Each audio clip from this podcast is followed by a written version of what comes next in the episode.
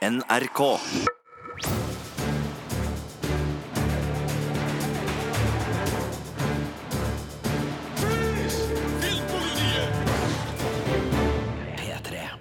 Velkommen til en ny podkast fra Filmpolitiet. Vi skal gi deg svaret på hvilke filmer du bør se på kino i helga, og hvilke serier du kan sluke og binge på TV-skjermen. Og vi, det er Birger Vestmo. Marte Hedenstad. Betjent Sigurdvik. Betjent Sigurdvik, har du en tittel, du? Ja, jeg syns når vi er Filmpolitiet, så kan vi ta oss Kan litt jeg- eh, titler. Kan jeg være overkonstabel? Jeg tror du er sheriff. Sheriff, ja. Sheriff, ja. Hva, hva er du da, Marte? Er jeg deputy, jeg da, eller? Uansett, eh, det her er filmene som skal anmeldes i dag. Først og fremst Jurassic World Fallen Kingdom, med flere sultne og sinte dinosaurer. Det er den norske cowboyfilmen med, med sånn tødler foran og bak. Eh, Vann over ild av regissør Jørn Utkilen. Og så har du sett et par serier, Sigurd? Det har jeg. Det er Nordsjøen og oljeplattformen som er kulissene for krimmen Rigg 45 med Jakob Oftebro. Og så er Alicia Silverstone tilbake på skjermen. Den gamle Clueless-stjerna spiller hovedrollen i American Woman. Det her blir eh, interessant. Filmpolitiet anmelder film. How many can you save? 11 species. Blue is the last of her kind. You'll never capture her. We thought you might know someone who could help. a rescue op. What could go wrong?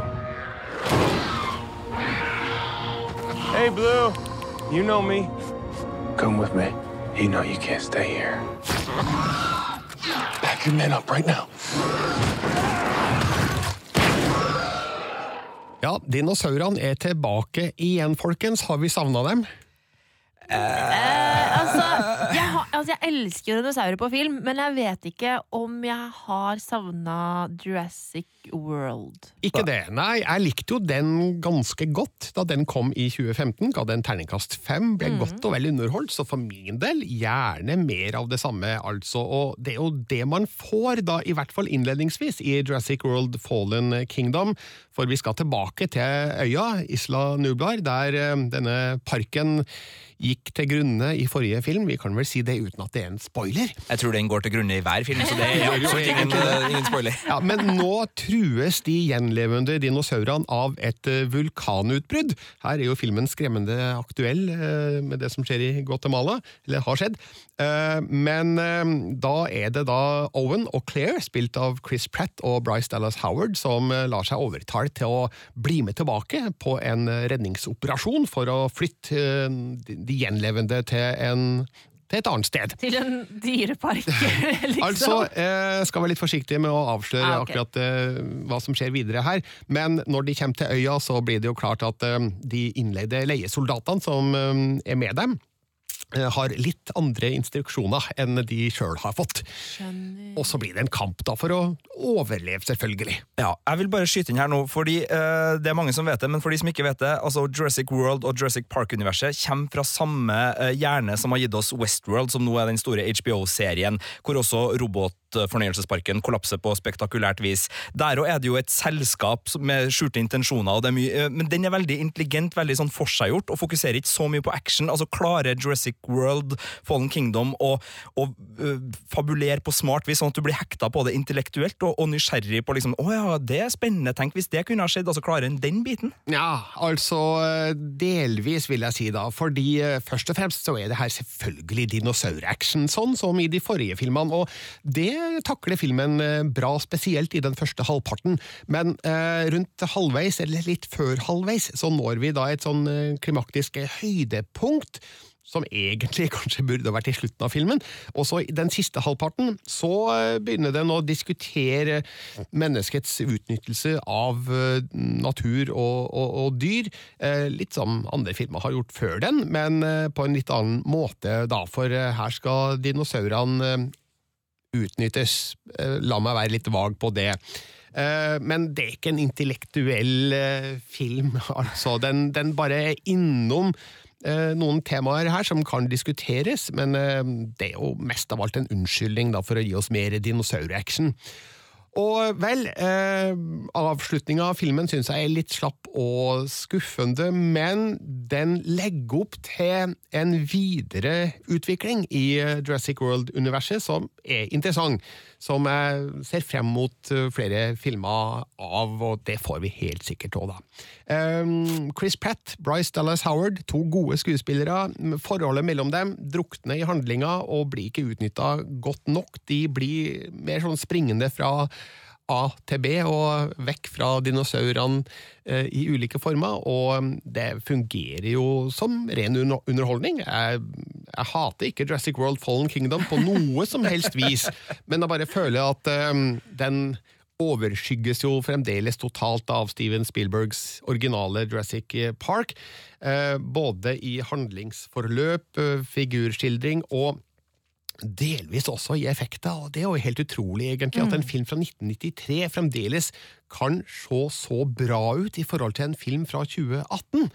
Eh, Det er nok litt av Steven Spielbergs kløktige bruk av lys og skygge, kombinert med praktiske effekter, pluss eh, helt eh, nybegynner CGI, eh, som funka utrolig godt. Eh, Helt vanvittig å se at den fremdeles kan konkurrere med den aller siste Jurassic World-filmen. Nå bare gjetter jeg at du ga den første Jurassic Park-filmen terningkast seks, men hva for den nyeste Jurassic World-filmen? Vet du hva, Sigurd? Det har jeg tenkt å avsløre eh, veldig, veldig snart. eh, Faktisk nå.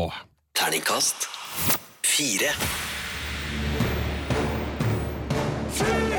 Filmpolitiet. Og nå skal vi avsløre den store nyheten for alle lovlig blond-fans, Marte. Og da må du kanskje først si hva er lovlig blond? Og Legally Blonde er jo den fantastiske filmen eh, som gjorde Reece Witherspoon kjent for veldig veldig mange. Der, som handler om Elle Woods sorority girl som elsker rosa.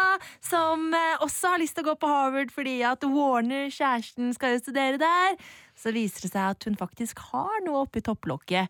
eh, Og det skulle man kanskje ikke tro ved første øyekast. Nemlig. Men den kom i 2001, og det Yes. er altså da 17 år sia. Ja. Eh, toeren kom noen år etter det, men, Ja. eh, men hva skal no- Lovlig blond 3 være for noe nå? Altså, Lovlig blond 3 den kommer i 2020, og vi vet jo egentlig ingenting utenom at Reece Witherspoon har posta et eh, Instagram-bilde eh, i poolen eh, eh, på sånn madrass i svømmebassenget, og så skriver sånn 'It's true'.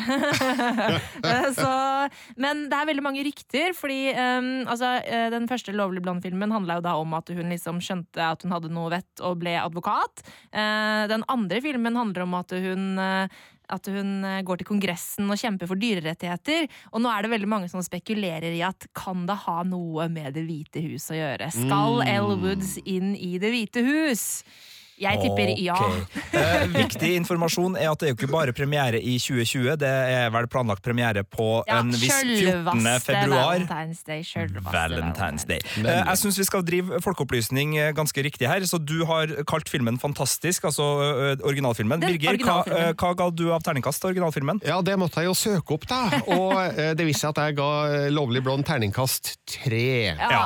altså eh, jeg, det er jeg ikke enig i, altså, Birger. Jeg, jeg, det er ikke en terningkast seks-film, eh, det skal jeg ikke prøve å påstå, men det er en kjempetrivelig film, og Reece Witherspoon er så sjarmerende, og det er bare kos, og det er bare å Jeg få kan, det på. jeg kan ikke forsvare meg, fordi at det er 18 år siden jeg så filmen, og jeg husker veldig, veldig lite. Jeg husker bare at eh, jeg likte Reece Witherspoon ja, i den. ja. Hun, er, hun er flott, hun altså. Bør sjekkes ut i Big Little Lies, fantastisk Ja, serie som er- ligger på ja. HBO Nordic, og som kommer med sesong to. Eh, Sigurd, du liker Donald Glover. Ja, han er jo å se på kino nå som Lando Calrissian i Solo A Star Wars Story-filmen. Han er jo å høre på P3 om dagen som Childish Gambino med This Is America, er også for så vidt å se på YouTube, for det er jo en av de mest spilte musikkvideoene der. Og denne uka så gikk siste episode av hans fantastiske komiserie Atlanta, sesong to, på TV her i Norge. Og den store gladnyheten fra øh, Fox, eller FX, da, som er serieavdelinga til, kvalitetsserieavdelinga til Fox, er at det kommer en sesong tre av Atlanta. Det her er en komiserie som har fått øh, henholdsvis terningkast seks og terningkast fem på sine to første sesonger av oss i Filmpolitiet, og den femmeren er nesten en sekser, så, så det er glimrende kvalitet. Eh, Hiphop-komedie med et herlig rollegalleri og masse underfundig humor. Sjekk det ut. Første sesongen ligger på Viaplay til strømming. Andre sesongen kommer nok også dit, for de har en liten deal med Fox, men den har gått da på lineær-TV her i Norge på Fox-kanalen. Og ja, hva skal vi si om Donald Glover om dagen, da, folkens? Ja, jeg kan si at jeg har jeg føler jeg har gått glipp av Donald Glover. Jeg, har jo sett den i The Martian og Spiderman Homecoming og Magic Mike XXL, men ikke sett en episode av Atlanta, og ikke sett en episode av Community, og egentlig litt dårlig um, innsikt i Childish Gambino-prosjektet hans òg, så hva har jeg gått glipp av her? Nei, Noe har, stort. ja, du har gått glipp av en uh, kar som klarer å altså Han er jo et multitalent, det er jo ikke noe tvil om det. Han er, altså Childish Gambino har du hørt, fordi han er åpningslåta på Get Out-filmen, som var Oscar-nominert. altså denne her skrekkfilmen, Og han er en artist som virkelig kan sine saker. Og uh, Community er jo startskuddet hans for mange. En komiserie hvor også Chevy Chase og en del andre dukka opp. Alison Bree, blant annet. Det var en kjempeartig serie som rulla gikk, med folk som videre, har gått videre til Rick and Morty, blant annet. Så det var en sånn talent-hotspot der. Der eh, Troy and Abed in the Morning var en eh, artig greie. Og så har han egentlig bare fortsatt å ta kloke valg, og jeg vet ikke om han sov i det hele tatt, fordi den, eh, det døgnet hans må bare være stappa, men han har funnet ikke en sånn anstrengt, strebersk, kjendisjagende stil, men han har funnet en stil der han gjør eh, alvorlige, kunstnerisk fornuftige og veldig treffende ting. Spesielt da med Childish Gambino og Atlanta, som er hans personlige prosjekt. Han laga Atlanta sammen med broren sin. Eh, og så I tillegg da, så har jeg en kul nok til å bare stikke innom Star Wars og stjele showet, som du så fint sa når du anmeldte eh, solofilmen. Så nei, en eh, ja, jeg, jeg skjønner ikke hvordan han får det til. Jeg er selvfølgelig dypt sjalu på, det her, eh, på den mesterhjernen, men du verden så artig at han fortsetter med Atlanta, og at han ikke bare går videre til uh, store prosjekter hvor han liksom får lov til å spille båndskurk, eller et eller annet sånt, men at han holder det til det han virkelig er god på, og det han føler sterkt for. Det, det digger jeg. Så vidt jeg vet, så streames Atlanta på, på Viaplay. Det gjør det. Sesong én ligger der, sesong to kommer der. Charlies Childish Gambino strømmes på alle strømmetjenester, og Star Wars-filmen går på kino. P3. Jeg har sett serie, vet du, Birger. Sånn krimserie fra Skandinavia som heter Rigg 45. Filmpolitiet anmelder TV-serie. There's a hurricane coming our way. I spoke with the headquarters. They cannot send a ship to us in this weather.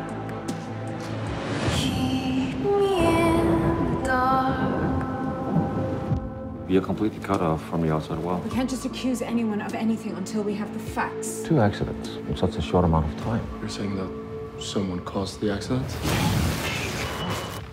Rigg 45 heter altså serien som starter hvor? Den starter på Viaplay i dag. De to første episodene ligger ute nå, og så begynner den på TV3 også i kveld. Og det her er en svenskprodusert krimserie fra Viaplay som har skandinaviske skuespillere og britiske skuespillere. Og fra Norge da så er det Jakob Oftebro som er vårt bidrag inn i det her.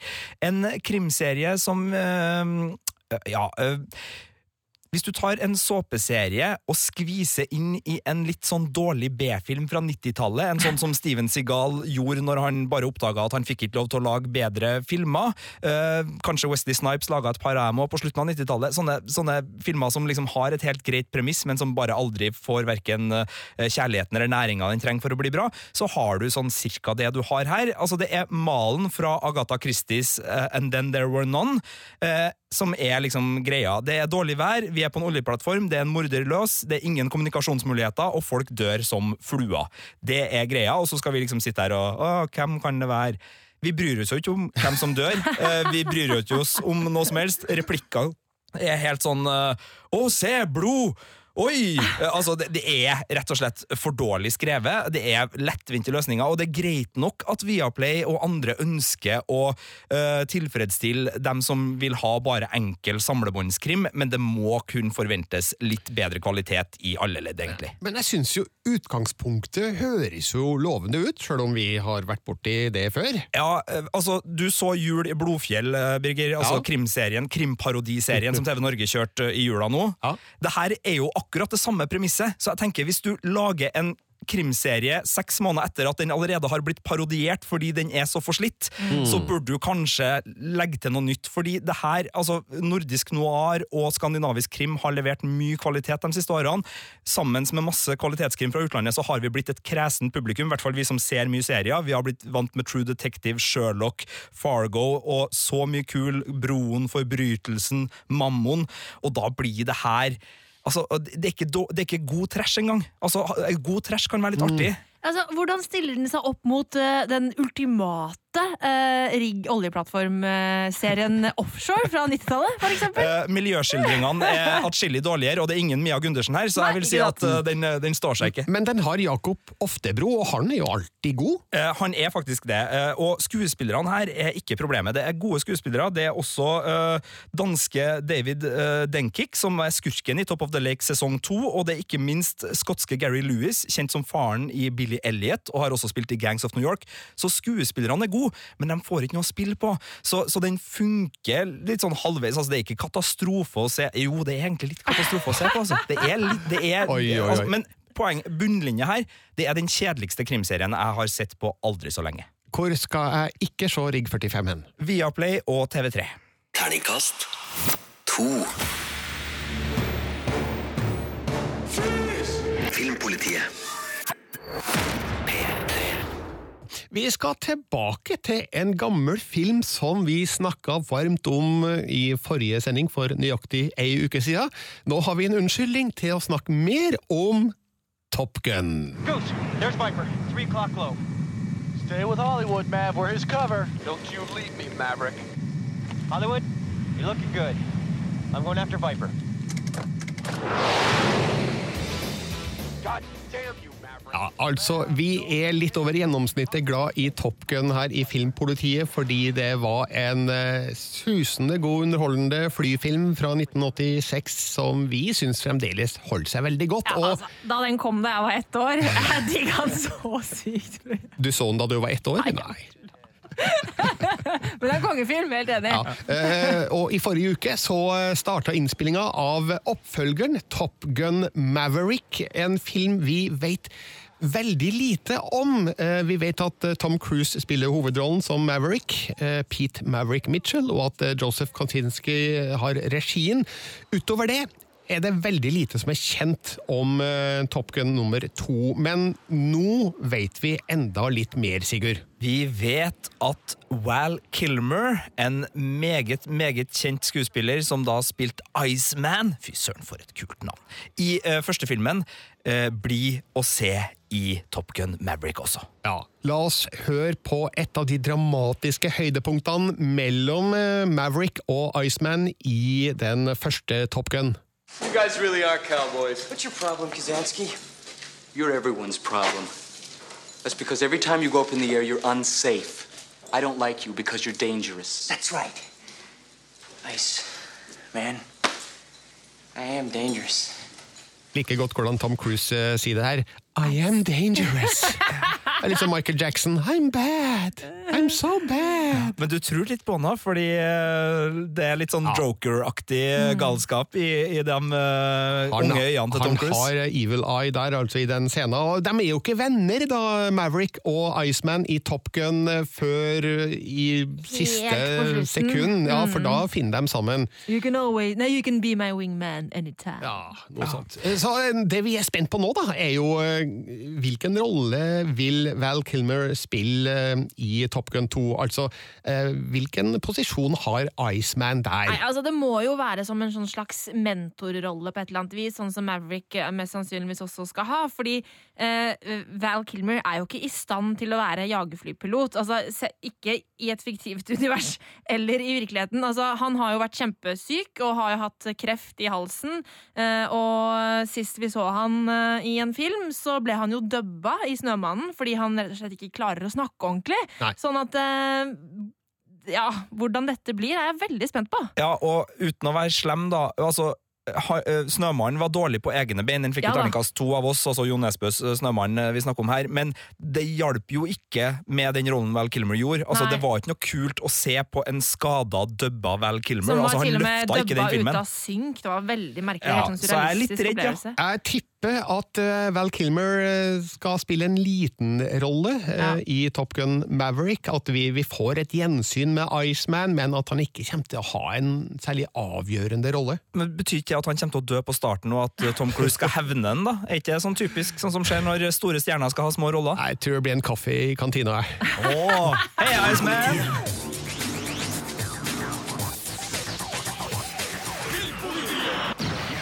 Nå med anmeldelse av premierefilmen Vann over ild. Filmpolitiet anmelder film. Det er ingen som jobber her lenger. Nei. Alle har blitt så rike at ingen gidder å gjøre noen ting lenger. Ja, sånn kan vi ikke ha det.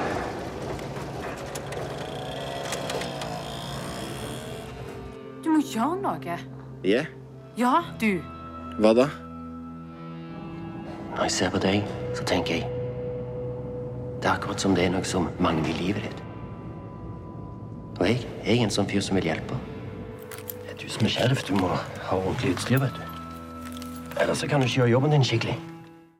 Her hørte Kristoffer Joner bl.a. blant annet i eh, en av rollene i Vann over ild, regissert av Jørn Utkilen, som har laga eh, merkverdige kortfilmer i nesten 20 år, men debuterer nå altså da som spillefilmregissør med Vann over ild, som er en slags westernfilm.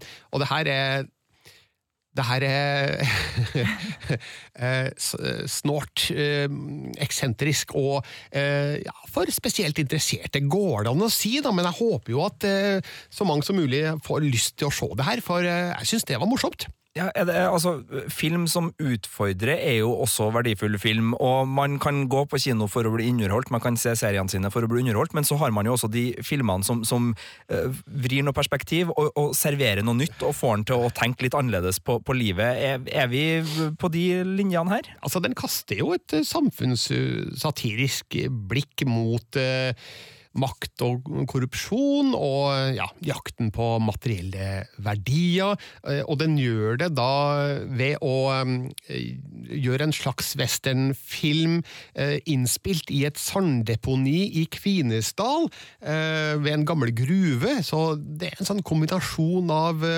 norsk natur, men en amerikansk prærie i midten der, da, der de eh, ikke rir til hest, men kjører på moped, eh, og så har de på seg sånne skikkelig glorete westernkostymer, eh, gjerne i sånn sjokkrosa og mintgrønt, for, for eksempel. Da. Så, han, Jørn Utkilen leker seg veldig med westernklisjeene her, på en måte som gjør at jeg, jeg syns det er morsomt. Jeg ler mye av det her. Den satiren den er litt sånn hit and miss. Litt sånn diffus eh, et diffust budskap her, men absolutt underholdende, og med godt skuespill fra blant annet Joner, som jeg var inne på. Eh, Men også Arthur Berning, Ole Kristoffer Ertvåg, eh, Edvard Schultheis er med. Så det er mange karikerte figurer her med hvert sitt særpreg som jeg syns er morsomme. Høres ut som et sånn A-lag fra Stavanger-skuespillerlista, der. Men jeg bare lurer på, jeg får litt sånn eh, 90-talls musikkvideovibbe. Litt sånn tidlig MTV med, med litt sånn, sånn Nirvana sin eh, Smells Like Teen Spirit og Beck med sånne glorete kostymer og litt sånn uh, fragmentert samfunnskritikk. Men, men henger det sammen? Altså, Er det en helhetlig film som man liksom får en, en opplevelse av å å ha skjønt? Ja, men Det syns jeg jo absolutt, eh, for det er jo ikke vanskelig å forstå eh, hva Utkilen vil med det her, men eh, måten han eh, presenterer historien på er frisk og original, og eh, det er absolutt verdt å få med seg på kino, for den som er åpen da for litt smalere filmopplevelser, hvis vi kan si det sånn. Så jeg syns at Vann over ild definitivt fortjener en karakter som følger. Terningkast fire.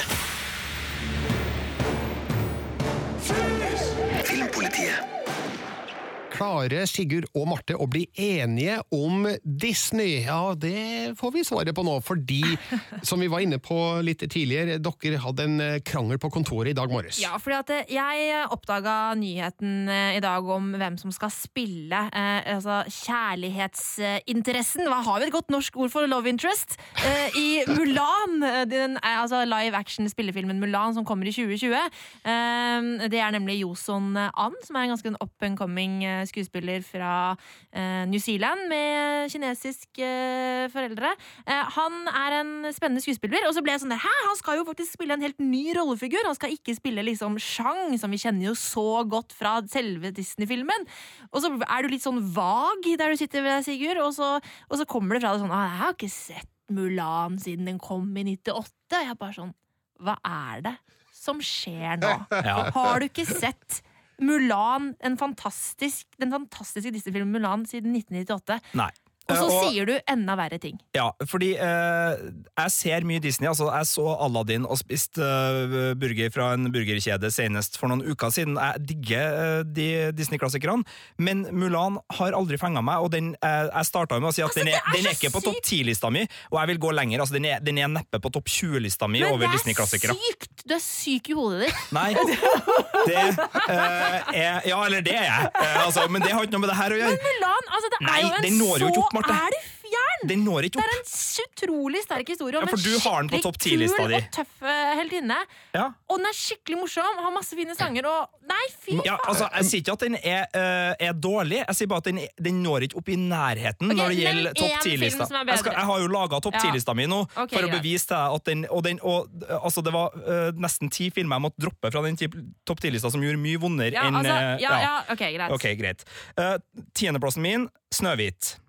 Niendeplassen Skjønnheten og udyret. Åttendeplassen Aladdin. Sjuendeplassen Vaiana. Sjetteplassen Sverdet i steinen. Femteplassen Aristokattene. Fjerdeplassen Robin Hood. Tredjeplassen Jungelboken. Andreplassen, og her vet jeg at jeg er kontroversiell, eh, Basil the Great Mouse Detective fra 1986. Og førsteplassen er selvfølgelig The Lion King. Det fins ikke bedre animasjonsfilm enn The Lion King. du, altså, du har ikke Pocahontas på lista di? Nei, Pocahontas er ikke på min topp ti. Sa du Den lille havfruen? Eh, Nei, den er ikke på topp Du har ikke Den lille havfruen på din topp ti? Du, du har ingen Disney-filmer med jentehovedroller på lista di, har du det? Da syns jeg skjønnheten Du, uh, eh. Snøhvit, Skjønnheten og udyret, Vaiana altså, hva, er det, Hvordan anklager skal han finne seg i? Jeg tok en sjanse her, jeg tok en sjanse. Ok, Her er min topp ti, da. Og det her var sykt vanskelig, for jeg, det å rangere er jævlig vanskelig. Men ok, nummer ti Aristokattene. Nummer ni eh, Robin Hood. Eh, så, og så begynner det å bli vanskelig. Men nummer åtte Den lille havfruen. Nummer sju Aladdin. Nummer seks Mulan! Nummer fem Vaiana. Nummer fire Sverdet i stenen. Nummer tre Pocahontas. Nummer to Skjønnheten udre. Nummer én Løvenes konge. Ja. Eh, Vi har jo eh, sju som overlapper. Har vi? Ja, så eh, på topp 10-lista i ulike så- posisjoner, så, så vi er ikke så uh, uenige, men du blir, du blir sint. Ja, det, det du, har- du, har du mista liksom noen av de viktigste. Noen av mine absolutte favoritter som du bare ha, Ja, ikke men har altså, Av de jeg mista, så er både Pocahontas og Den lille havfruen mye nærmere topp 10-en min enn Mulan, Men- som jeg syns er en Altså, du, ganske kan, kjedelig du har Disney-film. sett Mulan én Ja, jeg skal se den gang, igjen. så du trenger å holde kjeft og gå og se Mulan i helga. Men Oi, altså, den pekefingeren med... der, den dirra nesten. Det, det er nesten sånn dirrende er du en slags Disney-stemor som Ja. eh, sender meg? Nå har jeg holdt meg litt i bakgrunnen her, fordi dere var så utrolig engasjerte her. Men eh, jeg vet ikke om jeg tør eh, fortelle deg, Marte, når jeg så Mulan sist. Aldri. Det var i 1998. Herregud. Men Altså, jeg, men jeg syns den var morsom! Jeg Ja. husker at den var, Det var veldig eh, god humor i den. det er det. Og så husker jeg eh, at det var en låt der som het eh, The Color of the Wind. Det er i Pocahontas! Å ja, ok! S- Setter du på en låt, Birgit? Jeg tror vi må, vi må spille, spille musikk. Et øyeblikk her nå. Ja, ja, ja. Det har dukka opp noen interessante nyheter fra filmens verden. Eh, For alle som husker The Adams Family, så er det en ny animert film på vei, Marte. Ja, det er eh, en eh, ganske sånn mørk animasjonsfilm, selvfølgelig. Og nå har det da kommet nye navn på den rollelista. Ja, eh, Oscar Isaac var allerede klar for å spille familieoverhode, men nå skal han da flankeres av annet Charlize Theron, som skal spille hans eh, hustru i denne uh, Adams-familien, og ikke minst da eh, Stranger Things-stjerna Finn Wolfhard eh, skal også være med å spille et av barna i The Adams Family, og det er jo eh, stemmer som kan gjøre det her riktig så, så fint. Jeg elska den originale Adams-familien. Det var en oppfølger òg, den var ikke jeg så glad i, men den første Adams-familien med uh, onkel Fester og, og ikke minst Wednesday, som var spilt av en ung Christina Ricci. Eh, helt fantastisk greie. Hvordan forhold har dere til det? Ja, jeg så faktisk The Adams Family på nytt eh, for et års tid siden, og syns den har holdt seg veldig godt. Jeg elsker jo Raúl Julia i hovedrollen, eh, den ene hovedrollen, og eh, Angelica Houston. Angelica Houston, tusen takk, og ikke minst Christopher Lloyd da, som Uncle Fester. Storveisfilm. Ikke sett oppfølgeren på en stund, men den første den holder seg godt, altså. Så uh, alltid lurt på hvorfor de ikke laga flere Adams Family-filmer, men nå får vi altså en ny animert versjon, og jeg sier ja takk til det.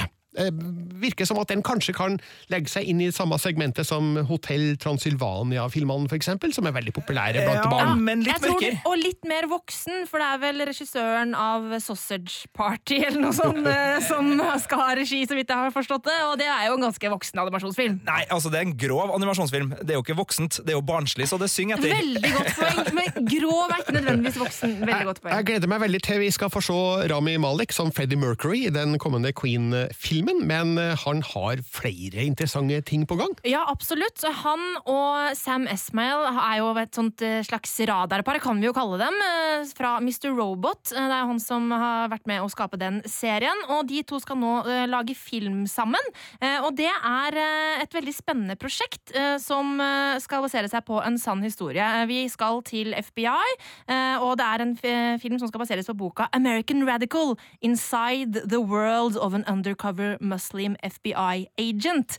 Eh, Og da går tankene mine litt til The Looming Tower-serien som, som du anmeldte tidligere i år, eh, Sigurd. Ja, det var en serie med annet Jeff Daniels i en av hovedrollene som tok for seg eh, oppløpet til eh, 9. september, og hvordan Al Qaida vokste seg fram, og hvordan de da ikke klarte å stoppe dem. Og det her er jo litt sånn viderefølgelsen, for det her Ja. er jo et post eh, 9. september-verden. Eh, og da- Ni, 9. september. 11. september. Er Ja, 9. 9/11. 9/11. Eh, Men Rami Malek skal da spille denne agenten som går undercover. Eh, Og det, ja, det er et veldig spennende prosjekt, så jeg gleder meg til å, til å se hvordan det blir. Eh, Nå er det sånn at de driver fortsatt og leter etter en manusforfatter, så da krysser vi fingrene for at det blir en bra person. kom nettopp en nyhet her nå om at den kommende Mulan-filmen skal bruke The Color of My Nei! Birger, nei! Nei, nei da, ok da. Den kommer 9.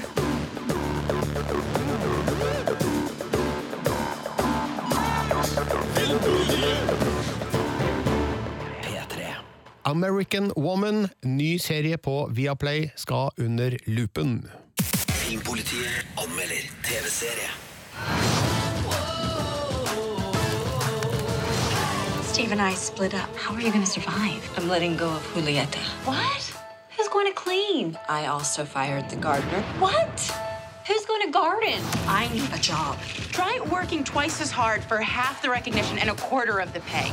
I'll find a way to take care of my girls. Ok, American Woman, da tenker jeg, og sikkert du, Marte, på American Woman! Ja, og gjett hva vignettlåta er, da. Eh, er, det, er det den? Det er den. Ja. En eh, låt som var laga i 1969 originalt, har blitt covra av Lenny Kravitz blant andre, og som er oppfatta som en litt sånn protestvise, sjøl om de som laga låta hevda at det egentlig bare var fordi at de var fra Canada, og de likte kanadiske jenter. Nok om den låta. Det her er en serie som frontes av 90-tallsstjerner som uh, Alicia Silverstone og uh, ikke minst American Pie-stjerna uh, Mena Suvari. Og Ah. det er en eh, serie som eh, handler om kvinnekamp på 70-tallet eh, blant de meget privilegerte eh, husfruene i Beverly Hills.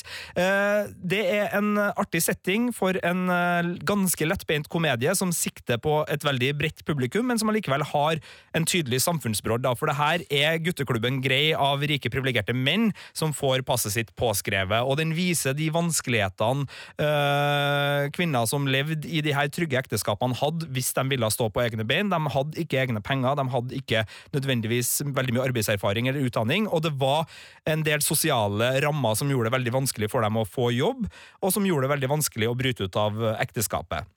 Så det er en sår bakgrunn for en veldig sånn tradisjonell amerikansk komedie som uh, vitser ganske trygt, men som også treffer. Jeg tenker, Hvis TV 2 uh, i glansdagene, da de hadde liksom Ally McBeal og Friends som sånn tirsdagskveldopplegg, hadde fått inn den her på tampen, så hadde det funka veldig bra. Men i dagens uh, setting, med konkurrenter som eksempel Better Things, som er en uh, bedre komiserie som går på HBO Nordic, og liksom etter alt sex og singelliv har gjort, så er den, den, den kjennes ikke veldig original, men den, den har den der feel good, godt selskap-greia som gjør at jeg jeg setter lett på en episode til. Men når du eh, sier at Alicia Silverstone og Mena Suvari er med, da, da, da våkner 90-talls-Birger. Ja. Han får veldig lyst til å se eh, hva de to gjør nå.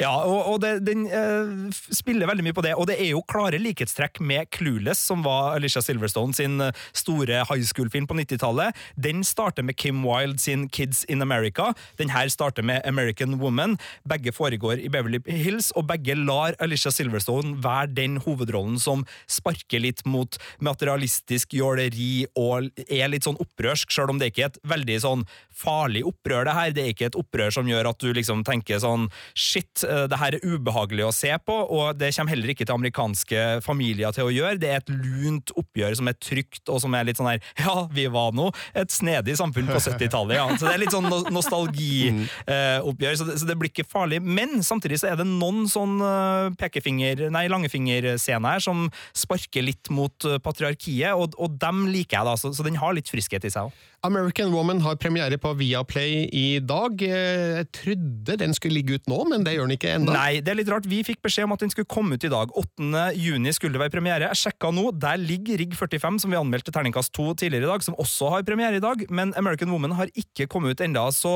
øh, hold øynene opp for den. Den skal komme i dag, men har ikke kommet ennå, men er i hvert fall en ålreit sånn godt selskap-komedie. Og bedre enn Rigg 45. Mye bedre. Terningkast fire. Filmpolitiet. Det var det vi hadde i denne podkasten fra Filmpolitiet, som ikke er den eneste podkasten vi har, Sigurd og Marte. Nei, vi har jo Westworld-podden, som er eh, den dedikerte Westworld-podkasten der Sigurd og jeg nerder oss gjennom ukas episode. Eh, Denne uka så er det episode nummer sju, Les Ecorché, som skal til pers, og vi har fått eh, besøk av Dr. Jones, Jonas fra P3 Morgen og Lørdagsrådet, så det er veldig koselig. Eh, Og podkastene våre finner du jo der du fant denne, nemlig i din podkasttjener eller på radio.nrk.no. Og den som ikke har hørt på noe av det her før, kan jo binche både serien og podkastepisodene nå fremover. Ja, takk, takke mer enn en sånn 20-30 timer, det. Så hvis du, det nå er det jo altså. helg du har jo ett døgn til rådighet, altså, Ja, ja, ja, seriøst. ja, ja, ja. Ikke noe problem. Den her eh, regulære podkasten fra Filmpolitiet er tilbake om en uke, og da skal vi diskutere Studio Ghibli. Ja, fordi at eh, Kikis budservice skal jo relanseres på norske kinoer, og jeg er jo stor Ghibli-fan, så det må vi kose oss med. Jeg bare minner Marte på at jeg var på Studio Ghibli-museet i Tokyo for noen måneder siden, og, og det syns jeg var kjempekoselig. Og der har vel ikke du vært, Marte? Har du det? Jeg har tatovering, OK?! Og jeg minner om at jeg anmeldte Kikis budservice da den ble relansert i 2007, og ga den terningkast tre, og så vil Nei, det vise seg, da Fire. Ga jeg fire? Du ga fire, ja. Ja, ja, ja. Hadde det vært tre, da hadde det Ja. blitt smell. Ja, det hadde blitt krangling, så det var fire. beklager dårlig hukommelse her, men vi kan i hvert fall uansett risikere å få en liten diskusjon da i neste ukes podkast om eh, Kikis Ja, og så kan jeg minne om at dere to nå har hjemmelekse og gå hjem og se Mulan! Mulan, ok. Den med The Color of the Nei! Wind? Nei! Jeg, jeg tror det, altså. Jeg er ganske sikker på at det var den som var Den var Oscar-nominert òg? Oprah Winfrey var der. Jeg husker det som om det var i går. Ja, Marte. Jeg heter i hvert fall eh, Birger Vestmo, såpass sikker er jeg. Ja, og jeg heter Marte Hedenstad. Og jeg heter Sigurd Vik. Og vi sier takk for følget i dagens podkast. Du finner flere podkaster på p3.no podkast.